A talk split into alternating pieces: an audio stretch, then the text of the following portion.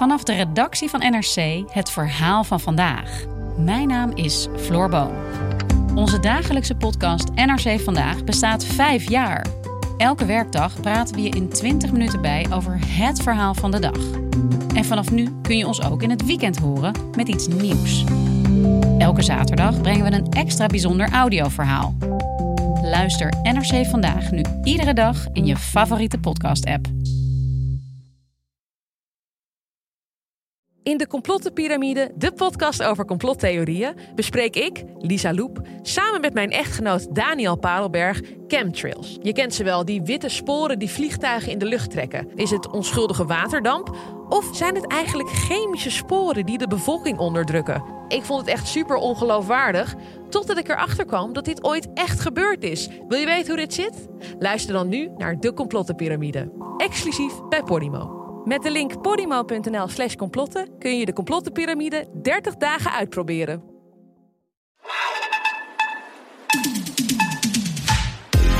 Welkom bij VSR, voorheen Schaamteloos Randstedelijk. De podcast over alles dat je wel bent, maar niet wil zijn. Mijn naam is Doris Smithuizen, tegenover mij zit Perre van der Brink. En zoals iedere week houden wij onze luisteraars een spiegel voor. En onderzoeken we de paradoxale relaties met de systemen om ons heen. Uitsluiting bij groepsactiviteiten roddelen en het bewust achterhouden van informatie... waardoor je je werk niet meer kan doen. De werkvloer die lijkt soms net op een schoolplein.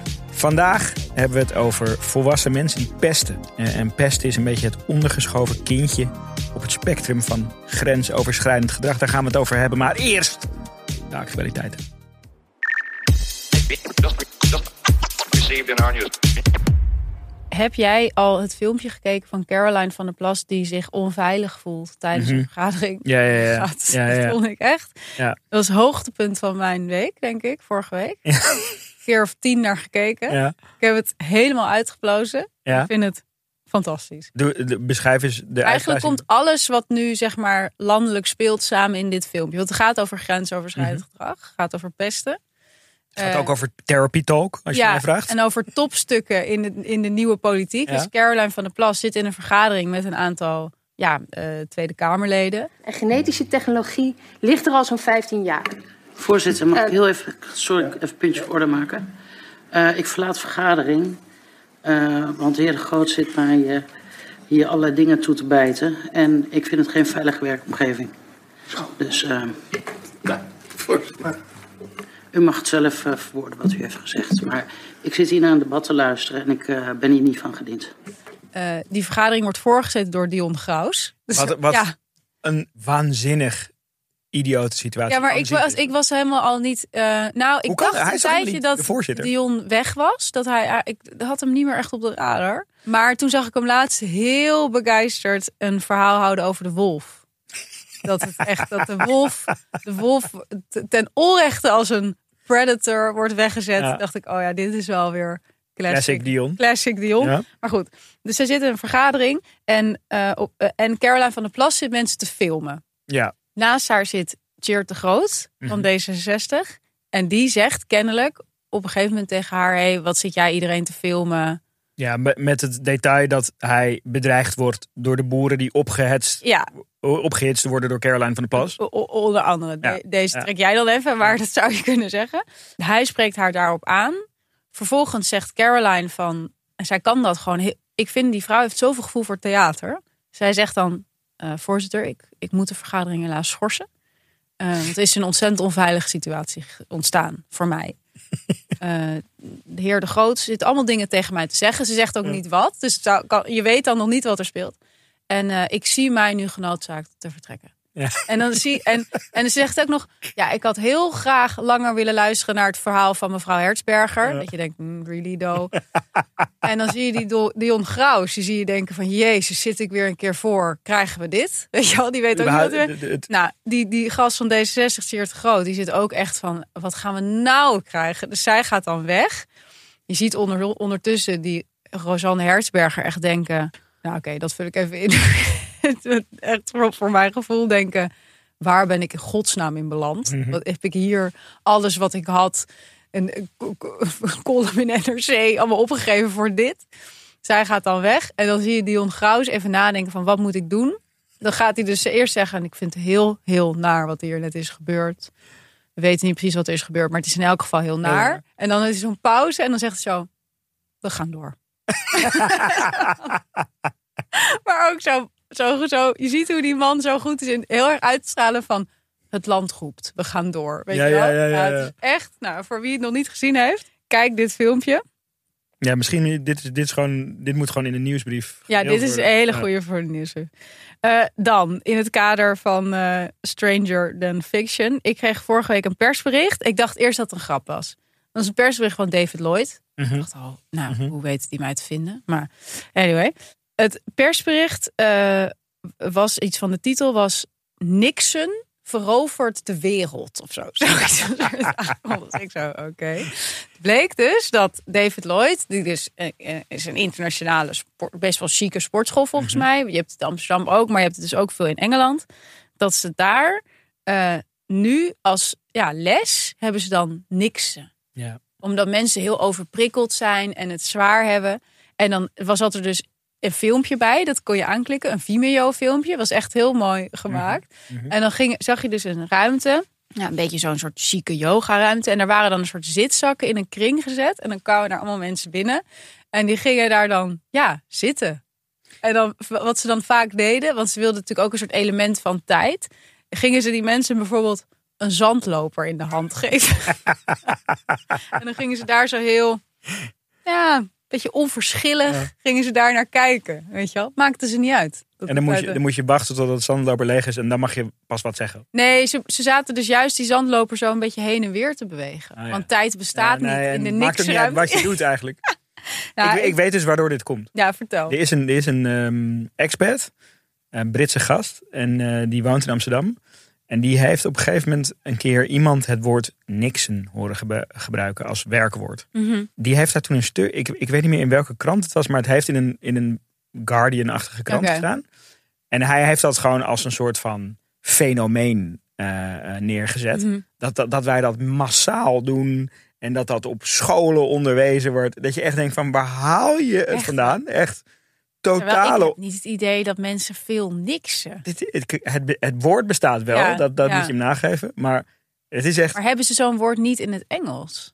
Nee, Oké. nee dus dat was zijn Ja, fascinatie. dan- ah ja, oké. Maar hij heeft het gewoon helemaal gedramatiseerd. En dat, dat stuk werd toen door allemaal andere kranten weer overgenomen. En toen was het ineens een soort hige geworden. Ja, ik wou net zeggen, want het wordt gewoon het Nederlandse hige. Ja. Ja. En, en ondertussen denken wij van, niemand Ja, niks hier. Maar heel David Lloyd zit nou op een zitzak. is wel weer het ultieme kapitalistische. Dat je gewoon Ik dacht echt, zo'n sportschool waar iedereen dan helemaal doorgesjeest aankomt. eh, dat, je met- dat, dat verkoopt. Ja, en dan de ene dag doe je zeg maar bodypump en de Ja. andere dag ga je niks. Ga je met die zandlopers spelen. Ja, ja, het is Wel weer eh, ja. briljant. ja, Ik heb de, een actualiteit die hierop ehm, op inspeelt.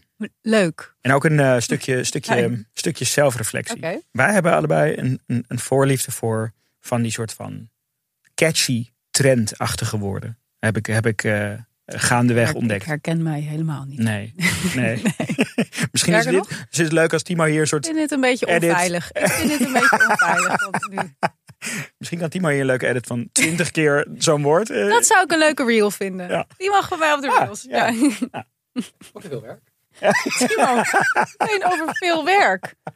Een beetje oeh, creativiteit. over. Over. Jezus. Dion, Eh, onveilig. waar is Dion? Als je hem nodig hebt. Ehm, nee, maar wij, wij hebben het heel vaak over van die, van die cottagecore en, en weet ik veel wat allemaal. Van, van dat soort termen. En de laatste tijd, eh, als we het daar dan over hebben. En dan ben ik een aflevering aan het voorbereiden. Kom ik weer met zo'n ding of zo. Dan Ja, betrap ik mezelf ook wel een beetje op een soort termmoeheid. Van oké, ja, ga ik nu serieus Ja, ik weet nog doen? wel in de vorige aflevering dat jij zei dat er een afkorting moest komen voor intrapunitief. Toen dacht ik ook wel, nu bereiken we een grens. Precies. Dit is een grens. Precies. En ehm, TikTok heeft die, die grens ehm, ook bereikt. En er is dus nu weer, er is wel weer een, een term voor. Er is een core, grenscore. Er is een term coiners. Oké. Eh, dat is de term. En die bezigen het fenomeen trendbait. Mm, En dus dat is eigenlijk gewoon content die bedoeld is om zelf viral te gaan.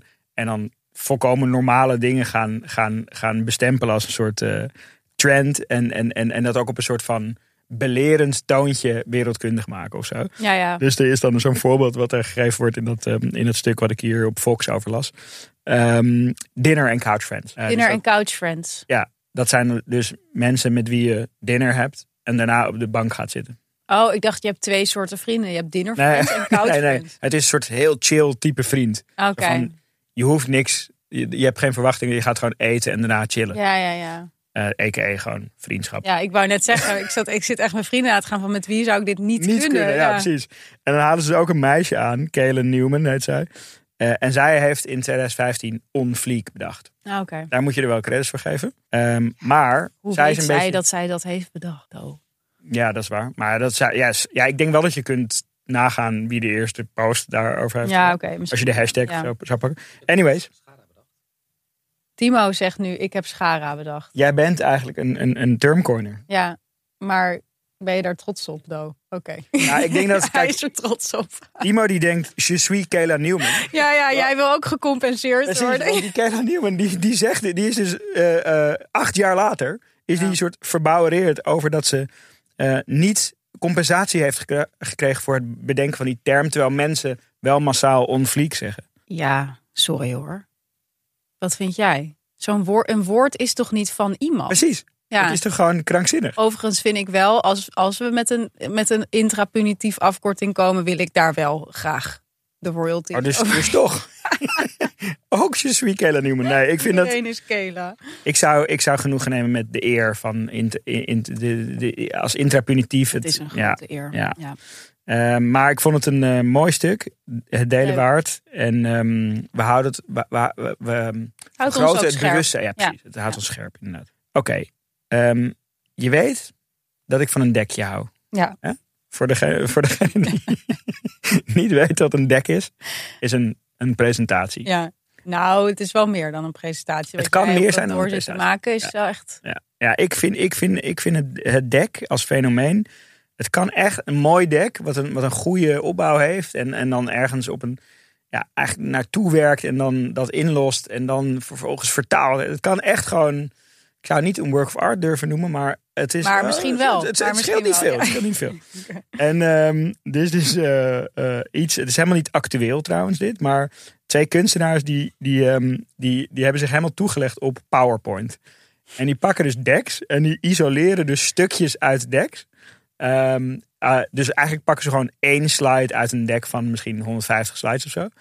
En als dat helemaal out of context vertoond wordt op een, op een artistieke manier, dus bijvoorbeeld door het gewoon heel groot te beamen op een muur of door het te printen en dan te framen of zo, wordt het gewoon heel bizar. Ja, En ook best wel vet. maar dit is toch... Ja, ik vind dit zo leuk. Ja, toch? Ook zelf om te doen. Ik had laatst eh, voor mijn nieuwsbrief wilde ik een nieuwsbrief maken. Oh, want me- mensen willen in nieuwsbrief altijd tips. Mhm. Weet je wel? Dus ik had in mijn nieuwsbrief... Ik kijk dus heel veel... Eigenlijk wat ik heel veel kijk op YouTube is mensen die dingen consumeren. Zat ik over na te denken. En die tips geven van hoe je moet consumeren. Mhm. Dat had ik allemaal van die video's die ik zelf kijk gefilmd. Ja. En dus geëdit met eh, tips van mezelf.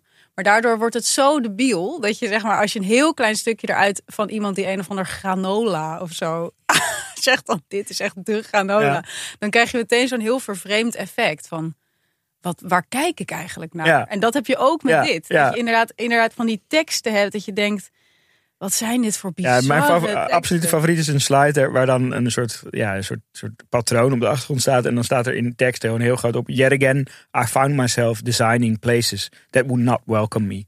En toen dacht ik echt van Ja. ja, als je dit op een muur hangt, dan is het gewoon... ik snap is dat het gewoon art is.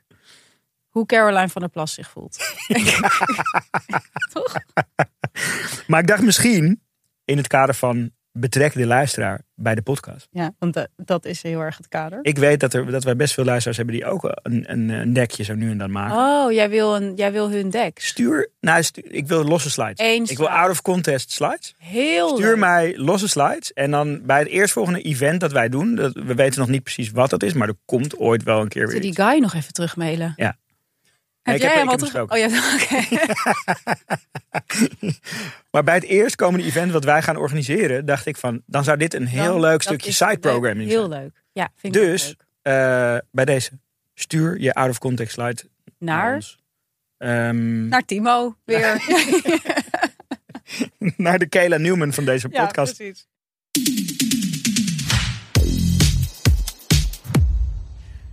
Green Chef, daar gaan we het over hebben. Green Chef helpt jou gezond eten op jouw eigen manier. Een gezonde maaltijdbox die perfect bij jouw levensstijl past. Eh, zij doen de boodschappen, jij kookt. Een perfecte verdeling. Ik. Liever dat dan andersom.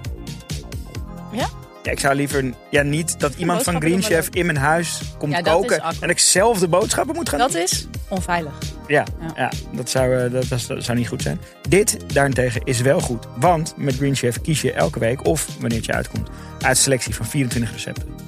En voor iedere gezonde leefstijl ehm, is er een keuze. Eh, vegan, vegetarisch, keto, koolhydraatarm, minder dan 550 calorieën. Of, tussen aanhalingstekens, gewoon gezond. Jij bepaalt welke drie, vier of vijf gezonde gerechten bij jou thuis aanschuiven. Dus eh, even voor duidelijkheid, die medewerker van Green Chef komt, komt niet bij jou Nee. aanschuiven. Alleen Ehm, het gerecht. Dus je kunt gedag zeggen tegen maaltijden plannen, ingrediënten kiezen en boodschappen doen. Want die medewerker was druk met die boodschappen voor jou. En zo weet je zeker dat er s'avonds gezond wordt gegeten. En dat smaakt goed. En dat voelt ook gewoon goed. En je maakt gewoon dingen die je anders niet misschien zou maken.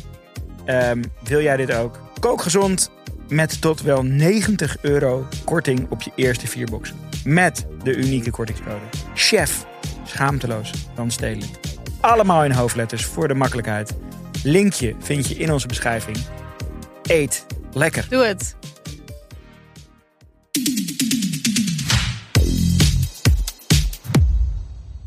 Oké, we gaan het hebben over volwassen mensen die pesten. Ja, ik denk echt een heel belangrijk onderwerp. Ja, ja en, en, en heel erg een vergeten onderwerp of zo. Mhm.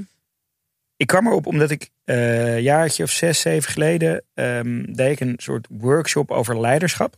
En daar zat een, een, een subonderwerp in dat het ging over pesten. Ik zat in die workshop met, weet ik veel, eh, acht of negen collega's of zo. Bij En- Vice. Ja, dit was bij Vice. Dit was, dit was ook naar aanleiding van dat er in, in ehm, eh, ja, dat er gewoon in die cultuur allerlei dingen mis waren. Dus gingen we eigenlijk op een soort cursus Mhm. eigenlijk. Ehm, en toen dat onderwerp geïntroduceerd werd, ehm, toen merkte je dat mensen een beetje soort lacherig deden over dat onderwerp. Alsof het soort onnodig was om dat aan, aan de agenda toe te voegen. Ja. En toen ging die vrouw die die workshop leidde ehm, een aantal eh, case studies vertellen. Dus gewoon echt gebeurde eh, voorbeelden in andere bedrijven. En eigenlijk bij al die voorbeelden dacht ik van... Oké, als dit inderdaad pesten is, wat het is... dan ge- dit gebeurt gewoon Maar hier wat ook. voor dingen dan? Nou, het denk het meest tekenende voorbeeld was bijvoorbeeld... er was een jongen ehm, die zat in een team... en die zat niet in een appgroep die binnen dat Mm. team was. En bleek dat in die appgroep het ook gewoon over hem ging. En Ja. Zo, weet je? Ja, en in het, ook in een best wel relatief klein team. Eh, ja, dat is, gewoon, dat is gewoon echt middelbare school shit, weet je. Mhm.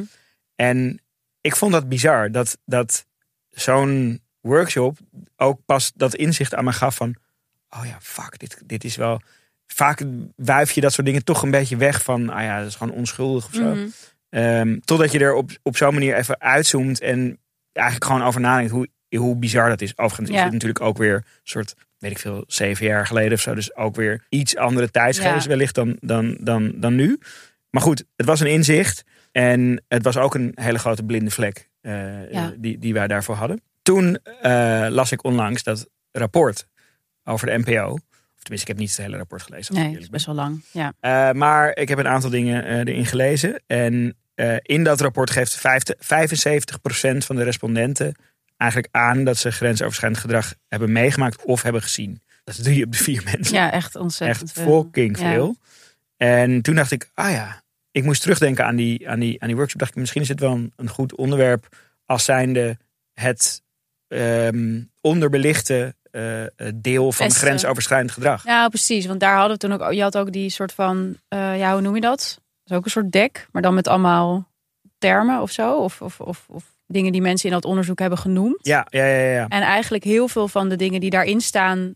zou je best wel als pesten kunnen Zeker. omschrijven, toch? Zeker. Dus niet zo, het is dan vaak niet zo erg, erg meteen seksueel grensoverschrijdend, maar wel een soort van emotioneel Ja. of sociaal grensoverschrijdend. En ik denk inderdaad dat dit zo'n belangrijk onderwerp is, omdat mensen het vaak niet benoemen of niet als zodanig benoemen. Ja. En dat juist vanuit daar eh, al die ja, wat we dan zien als echt grensoverschrijdende dingen, zoals seksueel grensoverschrijdend of anderszins fysiek of whatever, Mm, of intimidatie of weet je.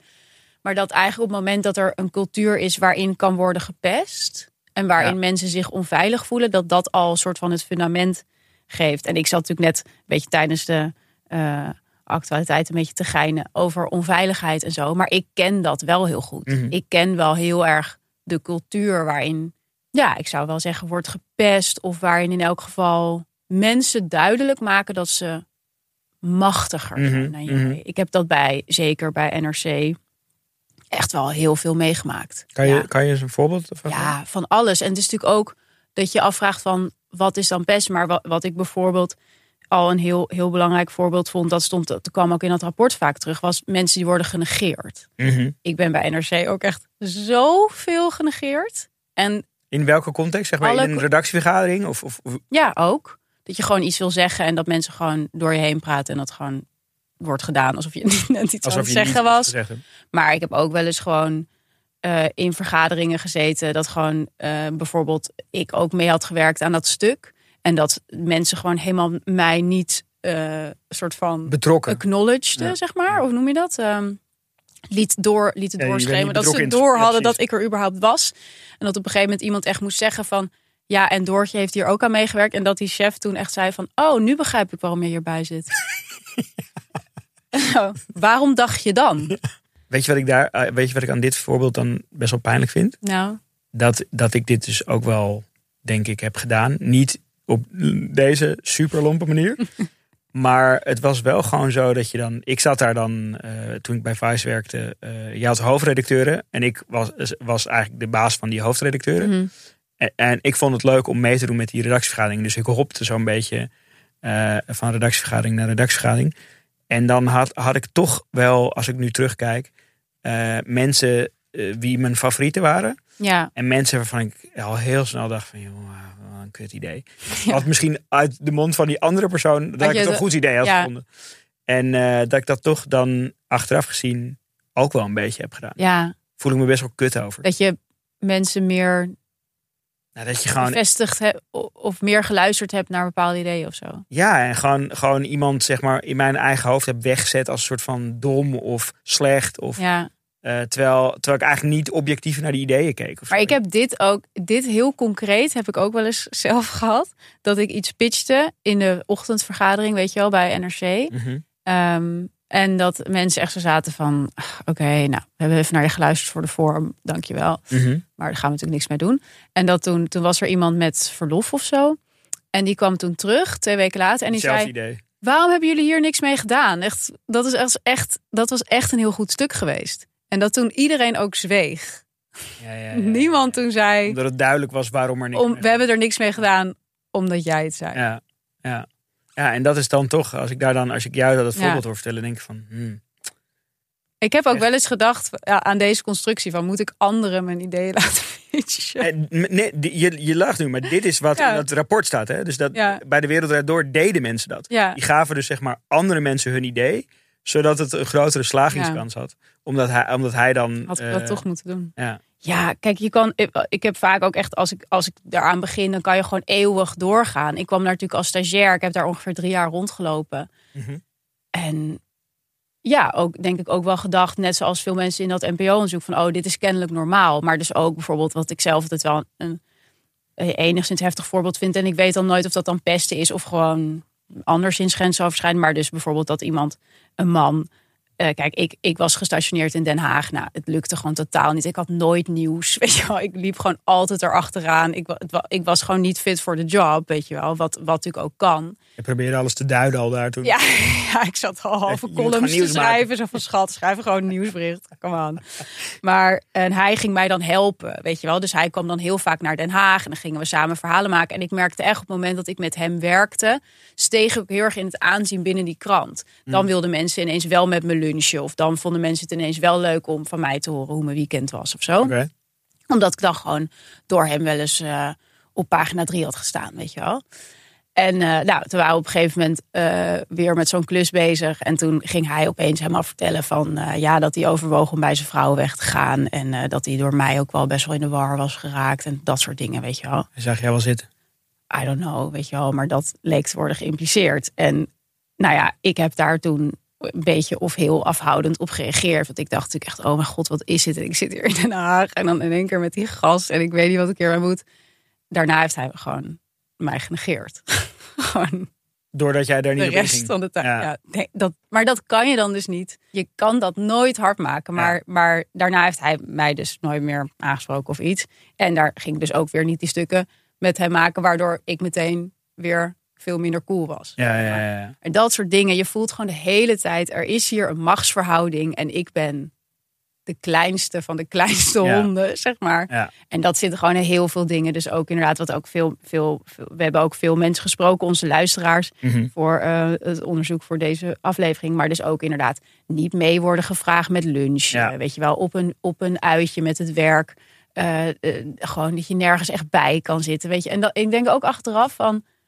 Kon dan niemand een keer zeggen van... hé, hey, kom gewoon bij ons zitten of zo. Je ziet toch dat iemand... Ja, maar wat dat betreft, dat was op, op de middelbare school ook, ook niet zo. Dan zag je het ja. ook, weet je. En dan, Nee, maar precies. Maar dat is ook... Ik weet nog dat ik me dat ook heel erg realiseerde toen ik daar kwam werken. Ik dacht, wow, het is gewoon middelbare school 2. Ja. Ja, nee, dat, is- dat is ook van. Want kijk, in ons onderzoek blijkt dat het met name ook plaatsvindt in een soort van prestatiegedreven cultuur of zo. ja. Ehm, maar er is ook wel gewoon breder onderzoek naar gedaan. Dus de CNV, die vakbond, die heeft, Ja. die heeft dus gewoon eigenlijk gewoon over, over heel Nederland een onderzoek gedaan. En daarin eh, geeft ook 25% aan eh, eh, te maken te hebben met treiteren, roddelen, uitlachen of, of ander ver- vervelend gedrag Ja, op hun werk. En, en vaak is dat dan door een leidinggevende ook. Dus Ja. dan, dat er ook nog een soort machtsverhouding is. Als je het dan omrekent, gaat het over 2,6 miljoen mensen in Nederland. Die dus te maken hebben met pestgedrag op werk. Dus echt Hmm. best wel huge. En ook nog een nuance daarbij. Of ja, ik weet juist niet een nuance. Maar dat cijfer is waarschijnlijk veel hoger. omdat mensen... Omdat mensen bang zijn om daar ja op te antwoorden. Ehm, Nou, dus en dat je, toch- misschien ook echt denkt dat het erbij hoort. Weet je wel? Ja, als je in een bepaald soort cultuur zit waar dat ook een beetje de norm is. Of zo. Ja. Dus ehm, terugkijkend zie ik, zie ik wel al die soort gaps en, en, en, en fouten daar. Ja. weet je? Eh, maar op dat moment, eh, ja, eigenlijk pas in die workshop, Ja. wat ook volgens mij een beetje aan het einde van mijn tijd daar was of zo. Mm. Eh, nee, trouwens, dat is wel iets langer daarvoor. Toen zag ik pas van, oh wow. Beetje zo Johan Cruijff. Je gaat het pas zien als je door hebt. Ja, ja, ja. En dan kun je het ook nooit meer ontzien. Maar wat zag je dan bijvoorbeeld? Nou, gewoon die patronen van, oh oké, dus zo- zo'n appgroepje, daar had ik dan wel eens een keer over gehoord of Ja, zo. Eh, en dan als je dat dan daarna nog een keer hoort, denk je, oh wow, ja, dit is ook wel echt, echt intens gewoon, weet je. Voor, voor die persoon is gewoon super kut. En ook fucking infantiel. Ja, maar dat vooral. Maar ik denk toch dat, dat, dat las ik ook in dat onderzoek, dat pesten vooral heel erg draait om macht. Mhm. Dus bepaalde mensen willen eh, eh, laten merken dat zij de macht hebben. Ja, En dat doen ze natuurlijk bij mensen bij wie dat kan. ja. Dus die in essentie minder macht hebben dan zij. En daarom ben je natuurlijk vaak als je nieuw bent binnen een bedrijf zo de sjaak. Ja. Dat je gewoon, je kan je ook nergens verschuilen, weet je wel. Je hebt niks om op te staan. ja, dus in een, in een ander Belgisch onderzoek ging het meer over wat is dat dan voor gedrag? Dus Ja. de top 5 pest, pestgedrag op werk. Eh, nou, dat was dan eh, eh, op nummer 1 het achterhouden van info, waardoor je werk eigenlijk wordt bemoeilijkt. En dat dat dan op een bewuste manier gebeurt. Dus je wordt niet uitgenodigd ergens voor. Er worden bepaalde documenten niet met je gedeeld. Ehm, en er was dan bij onze luisteraars ook een, een, een, voorbeeld van. Ehm, die, van iemand die in Amsterdam werkte, maar niet daar woonde. En die, en die moest dan voor een meeting naar Amsterdam komen. En dan werd zij als enige niet geïnformeerd dat die meeting Ja. niet doorging. Dus dan zat ze daar in haar eentje op kantoor. En kwam ze erachter, het gaat Ja. niet door. Ja, En dat dat dan structureel gebeurde. ja of dan zo, weet je. weet je gewoon dat mensen dat bewust doen. Ja, ja ja. dat zo grof. fucking, fucking grof inderdaad. Ja, maar ook inderdaad, eh, wat heel veel mensen dan noemen, is uitsluiting bij groepsactiviteiten door collega's. Ja, Ze hadden ook iemand die had dan ook ergens stage gelopen en die werd dan als enige niet meegevraagd met de lunch. Ja. Weet je wel? ja. Bij, waar dertig andere ja, mensen bij ja, waren. Ja, Dat is ook echt, dat, dat aantal is ook echt nog extra impactvol dan daar. maar dat is ook echt wat je inderdaad. Je denkt dat als je van de middelbare school komt, dat het dan klaar is met zo van populaire groepen. Mhm. En, maar dat is ook inderdaad wat ik, wat ik zelf ook echt wel bij NRC heel erg ervoer. Er waren gewoon populaire mensen en groepen en minder populaire groepen of Ja. zo. En het was ook inderdaad ook echt bij die lunch van ja, bij wie ga je dan zitten en zo. Ja. Weet je wel, er was een soort Maar het wordt veel minder... echt een soort apenrots. Ja, precies. Maar die apenrots wordt minder... Er wordt eigenlijk een beetje gedaan alsof die er niet is. Nee, precies. Want en ik denk dat je dat ook niet wil toegeven. Ja, Want je wil ook niet zeggen van. Ik denk dat mensen toch heel bang zijn om te, te gezien te worden als zwak. Mhm. Ja, en wat jij net ook zei, ehm, wat ik ook wel echt een treffend voorbeeld vond van een van onze luisteraars. eh, de categorie dat het eigenlijk vaak dat je gepest wordt als je intimiderend of als je een bedreiging voor iemand vormt. Was dan een, een, een, ehm, eh, iemand die ehm, ergens ging werken, waarbij, waar, waar de gemiddelde leeftijd vrij hoog lag. Eh, en zij was jong en hoog opgeleid. En zij kwam daar binnen en ze voelde gewoon vanaf dag één dat zij gewoon irritant was. En dat ze dacht van ja, wat- Mhm. wie is dit? Weet je? Mhm. ga weg met haar. En ehm, daar, daar hadden ze zoiets gemeens gedaan. Dus deze persoon werkt bij een overkoepelend, overkoepelende organisatie van een hotel waar ook allerlei restaurants eh, onder vallen. Dure restaurants. Eh, en er is een, eh, in een van die restaurants is een chef's table. Nou, daar moet je ook voor aanbetalen. Dus dat is een gewilde tafel. Ehm, en in haar eerste week, dus zij komt binnen en zij voelt meteen dat zij een soort van intimiderend is voor die andere mensen. Ja. En ze voelt meteen ook dat, dat er een soort, soort haat en nijd Mhm. eh, is. Hebben die collega's dus die tafel bij haar geboekt en eh, no show. ja. En dat was dan was gewoon een slechte look voor haar dat zij een boeking Ja. had gefixt die, die dan gewoon meteen in haar eerste week een no-show was. Maar dat je dat doet, toch? Is zo fucking Ja. mean. toch? Dit is echt zo kinderachtig. Maar Ehm, ook het moment dat je daarachter komt. Ja, en bij deze persoon is het dus helemaal uit de hand Ja. gelopen. En die is daar weggegaan eh, met een alcoholverslaving. Ja. Eh 15 kilo zwaarder. Ja, en gewoon eigenlijk helemaal tot de grond gelijk gemaakt. ja, echt vreselijk. Echt heel schrijnend. En het is, ja, dit is natuurlijk een heel heftig geval. Maar het is eigenlijk helemaal niet zo eh, ja, ongebruikelijk dat mensen er zoveel last van hebben. Want ook als je kijkt naar die onderzoeken naar pesten. Bijna 40% van de mensen die gepest zijn, vertonen symptomen van een burn-out. En zijn dus psychisch extreem vermoeid door hun Ja. werk. Ik denk, ik denk ook wat zo moeilijk is met dat hele pestverhaal, is dat het gewoon heel lastig is om te zien wanneer ben je nou aan het pesten. Mhm. En Zeker. wanneer heb je gewoon een slechte dag. Ja, Zo, je ja. En jij hebt daarover nagedacht, hè? Je Heel erg. hebt even in de spiegel gekeken. We gaan naar Paula's Choice. Oké. De tweede editorial.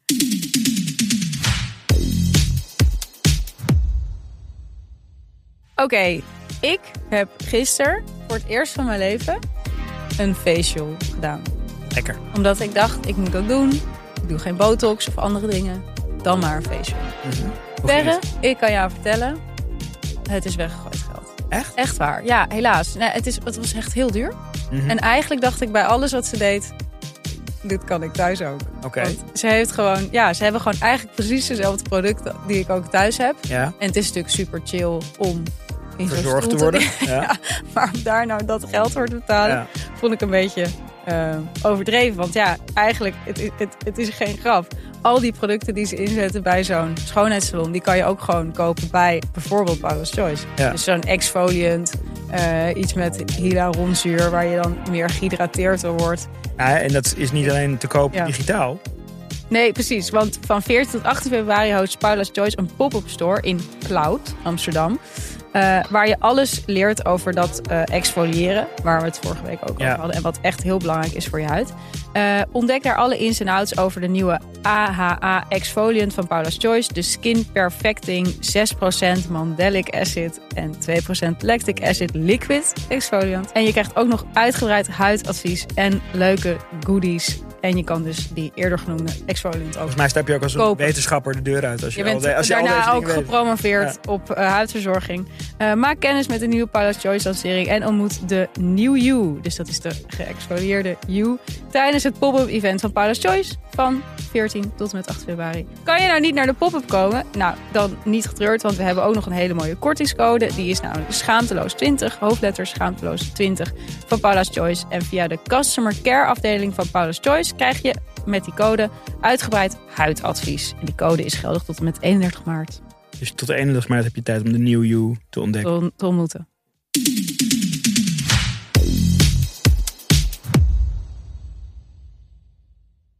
Terug naar jouw zelfreflectie. Terug naar, nou ja, dat, dat dacht ik dus gewoon van. Ik denk dat het lastig is met ehm, grensoverschrijdend gedrag. En dat is nu wat je ook steeds hoort. En ik denk dat dat heel belangrijk is, dat dat vaak wordt herhaald. Is dat degene die bepaalt of iets grensoverschrijdend is, is altijd de ontvanger. Ja. En jij kan wel denken van ja, dat is gewoon hoe we het hier doen. Of eh, dat is gewoon hoe ik ben en zo. Of iets pesten is of niet, Mhm. ligt gewoon aan ja, de persoon die het als pesten Ervaart. Ja. En dat is denk ik ook het lastige. Het was een best wel goed stuk, ook in de Atlantic daarover. Over dus eh, pesten op de werkvloer dan Mhm. met name. Ehm, dat ze ook vergeleken van ja, als kinderen elkaar pesten op school, kan je dat heel makkelijk zien. Want het is gewoon een hele duidelijke setting. Weet je wel, er is geen. het- iedereen komt de dag naar dezelfde klas. Mhm. Je ziet eigenlijk meteen als er eentje buiten valt of zo. Maar in natuurlijk volwassen settings is het vaak veel moeilijker definieerbaar van wie voelt zich nou slecht of niet. Of wie heeft nou meer effect op de ander. En ik dacht daar ook nu wel zelf wel veel over na. Kijk, ik heb niet zoals jij een bedrijf, maar ik ben wel vaker in een positie waarin mensen voor mij werken, zeg maar. Mhm. Om het even heel gechargeerd te zeggen. En ik heb wel het idee, maar ik ben benieuwd hoe jij daar naar kijkt. Dat in zo'n positie, hoe jij je opstelt naar die mensen, veel meer impact heeft dan hoe wij bijvoorbeeld tegen elkaar doen. Ja. Ik zei laatst nog tegen, wij kunnen soms tegenover elkaar zitten en soort van tegen elkaar schreeuwen, zo af en toe een woord tegen elkaar schreeuwen en ondertussen mailen. Ja, ja, ja. Eigenlijk luisteren we niet naar elkaar, maar Ja, we hebben nee, wel een soort gesprek. Terwijl Ja, als, dat zou jij misschien niet doen met iemand. als jij mijn leidinggevende was, zou ik, dat, zou ik denken van Jezus. eh, Zou dat heel grof zijn, ja, toch? Ja, ja. En dat is wel iets waar, waarvan ik denk dat je daar misschien niet zo meteen bewust Nee, absoluut. En, en wat ik denk ik zelf ook vaak onderschat. En ik denk dat dit bijna voor iedere leidinggevende wel geldt. Dat je niet helemaal bewust bent van, van dat. Ja, maar dat zou je dus wel moeten zijn, Ja, ja, denk ik. ja. Ja, maar en tegelijkertijd weet je natuurlijk ook niet hoe, hoe vaak dat speelt. Weet je, ik bijvoorbeeld met dat negeren. Dan denk ik altijd ja, aan, je moest dan bij NRC, als je een stuk moest pitchen, dan moest je dus bij je chefsbureau gaan staan. En eh, nou ja, ik werkte op een, op een deel van de redactie waar die chefs gewoon heel vaak echt fucking druk waren. ja. Met als gevolg dat je soms gewoon zonder overdrijving een half uur Moest wachten. naast die gast moest staan. Echt? Ja. En dan op een gegeven moment zei hij van... ehm, ik zie jou hier staan, maar ik moet nu naar een meeting. En had je dus gewoon een half uur daar gestaan en dan moest je daarna weg. Maar in dat half uur daarvoor is er geen enkel moment dat die persoon dan zegt van... Waarom sta jij hier? Nee, Dat was voor die persoon ook nee, heel dat was toch gewoon dusdanige manier van werken. Als ik het nu vertel, denk ik ook echt van hoe raar. Maar de- dat, je, ja, dat was gewoon hoe het ging. Ja, echt. Echt. Ja, dit vind ik echt best wel insane. Maar daar denk ik over dat negeren. Zo van, je, je, negeren kan ook heel grensoverschrijdend zijn. Ja, Want je wordt dan heel klein gemaakt. ja en, en ook heel... Dit, dit, dit is dan ook zo'n en ook natuurlijk voorbeeld. op het moment dat dan een of andere het honcho Dan kan wel. kwam. Dan was Ja. het van, hé hey, gast, nee, Ja. vertel. Oh, fucking vet idee. Ja, VP. Weet je wel? Ja. ik zat van, maar... VP, voorpagina. Ja, ja. Ik vond dus in dit kader ook... eh, heb je die documentaire al gezien van Koen Verbraak? nee, ik heb, ik heb alleen de, de, de, snippets. Echt wel boeiend. Ja. Eh, maar ja, Mart Smees Ja. vond ik daarin dus echt een, echt een, heel, echt een heel belangrijk. Eigenlijk moet er gewoon iedereen die leiding geeft van een mediabedrijf, maar überhaupt moet gewoon naar Mart Smees kijken Mart Smees. als een soort Ja. angstbeeld. Persoonlijk angstbeeld. Want die gast, het is alsof je een vis vraagt van wat vind je van het water waar je in zwemt. Ja. Dus Verbraak zegt dan van, nou, maar jij staat wel hoger aangeschreven, toch? Als presentator ben je wel hoger aangeschreven dan de redacteur. Hij zo, nee, Ja. helemaal niet.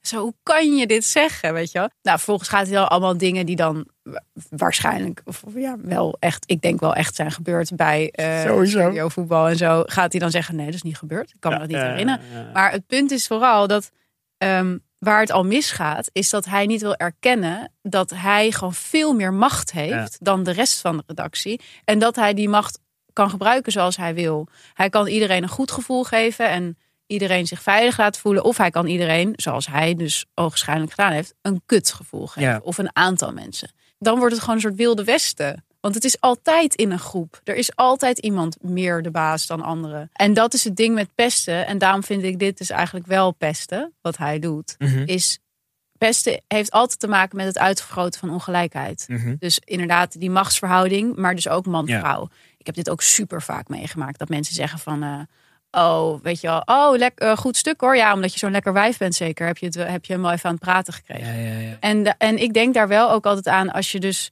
eh, er zijn dan ook altijd heel veel onderzoek, ook bijvoorbeeld op de eh, in de medische wereld wordt heel veel onderzoek Mhm. gedaan, ook naar pestgedrag en zo. Het zijn altijd veel meer de mannen die pesten dan de vrouwen. Ja. Vrouwen voelen zich ook veel vaker gepest. En dan zijn er daarnaast zie je dan allemaal onderzoeken van vrouwen hebben vaker burn-outs. Weet Mhm. je wel? En ik denk dan toch altijd, ja, hoe denk je dat het komt? Weet je? Ja. Als mannen zich de hele tijd zo gedragen. En ook doen van, ja, come on. Weet je wel, het is toch een geintje. Mhm. Is toch geintje over die Converse. Ik vind dat zo, dat vind ik zo toxisch. Vol- Volgens mij is het, het, het gaat er ook om, eh, waar we het net over hadden, dat, dat het, gaat, het gaat, de ontvanger bepaalt, toch? Mhm, mhm. Dat- eh, En ehm, volgens mij zijn we ook niet genoeg equipped zo om dat aan te geven. Wat, wat ik mooi vind van, van, van scholen, in ieder geval in de leeftijdscategorie waar mijn kinderen nu zitten, ehm, eh, is er of nog geen pestgedrag, of het is net begonnen of zo. Maar je kunt het nog soort van onder controle hebben. En dan hebben ze dat, ehm, eh, die term stop, hou op, die iedereen Ja. wel kent. Eh, maar die echt best wel... Ik kan dat alleen van de luizenmoeder eigenlijk. Oh ja? Oh, ja, Ik- had je dat niet? Ja, vol- ik, volgens mij was dat Nee. bij mij op school ook wel. Je zou zoiets ook voor volwassenen moeten hebben. Zo van dit Precies. een, een soort universele manier om aan te geven: dit is niet oké. Ja. zo. Ja, En ik denk dat dat dan, ook wel weer lastig zou zijn, omdat niemand dat dan zou willen zeggen. Omdat zeg maar mensen toch altijd bang zijn om toe te geven, denk Ja. ik. Kijk, op het moment dat je toegeeft, ik word gepest, zeg je eigenlijk, ik ben zwak. Denk Ja. ik. Terwijl ik vind het helemaal niet zwak om dat toe te... Want ik Nee, denk het is dat best je wel juist... sterk om toe te geven dat je Ja. iets aan relax vindt. Of zo. Ja, Maar het klopt inderdaad denk ik wel dat het even wennen zal zijn voor mensen om dat ook echt te doen of zo, weet je. maar ik denk dat dat wel heel... Misschien is die, die gele kaart van Mar Mart Smeets toch een goed idee. Dat is een rode kaart. Een rode kaart. Ja. Hoe ziet Nou, hij gele kaart dan. Rood, zegt hij dan. Die brood. Ja, ja, heel rood. Ik las, ik las ook nog best wel een leuk stuk in NRC trouwens. over ehm, dat, het- dat zo'n kantooromgeving. En ik kan me dat bij zo'n Vice ook echt super goed voor. Dat is natuurlijk ook een soort jungle. Weet je, Mhm. zo'n soort onoverzichtelijke jungle met meerdere verdiepingen. En je weet gewoon niet wat er allemaal speelt. En ik, eh, daar werd dan de vergelijking gemaakt met een lopende band. Dus als mensen eh, elkaar, mensen pesten elkaar ook in fabrieken Mhm. bijvoorbeeld. En dan zetten ze gewoon iemand anders de lopende band eh, stil. En dan is Ja, dus ja, heel ja. duidelijk voor de leidinggevende van oké, die persoon die Ja, wordt ja, gepest. ja, ja, ja. Maar dat is natuurlijk in een, in, zo'n, in een kantoor is het gewoon vaak ook onzichtbaar. Subtieler. En zeker natuurlijk door digitalisering. ja, ja. want dat, dat las ik dan ook veel in Atlantic. Dat mensen beschreven dat ze juist, eh, ook toen de pandemie uitbrak, dat veel mensen die op het Ja. werk gepest werden, dachten, oh, eindelijk kan ik lekker thuiswerken en hoef ik niet met die- bullshit om te gaan. Maar toen ontstonden er dus heel veel pestdynamieken online. Dus Mhm. mensen die niet werden toegelaten in de Zoom-call bijvoorbeeld. Of mensen die dan niet worden gecc'd. Of mensen die inderdaad heel lang in de wacht ha- hangen. Ja, ja, ja. ja, gewoon eigenlijk de, de fysieke versie van jouw bureau. Precies, maar dat je echt denkt, hoe flauw kan je zijn?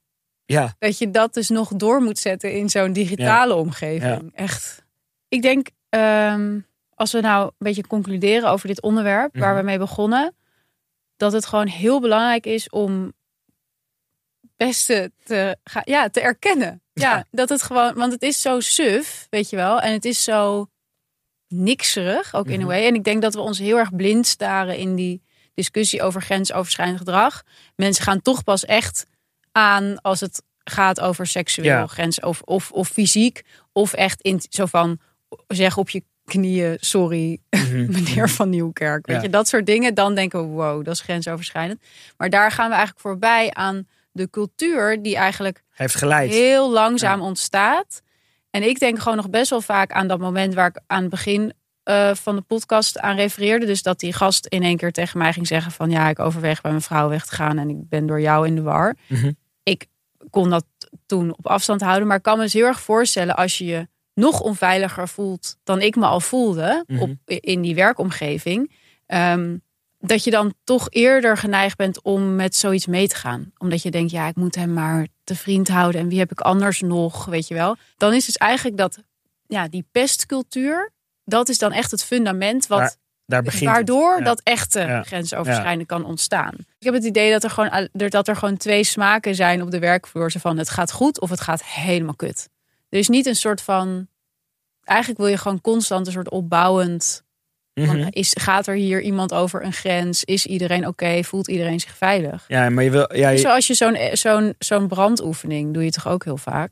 Dat zou je eigenlijk ook gewoon... Een continue brand. Ja, maar je wil ook weer niet zo'n sfeer van dat dat de hele tijd het Ja. onderwerp van gesprek is. Ja, Snap je wat ik bedoel? Van, ja zeker. Nee, ehm, een soort, zo'n soort daar moet het zo'n soort knuffelkamer. Precies, Ja, het- ja, het- ja. Dan wordt het dan, dat, dat gaat denk ik ook averechts werken. Omdat mensen dat dan weer irritant vinden of zo. Maar eh, Ja, maar dan vinden mensen maar even irritant. dat is waar. Denk ik ook. Alle verandering is even irritant. Tot volgende week. Tot volgende week.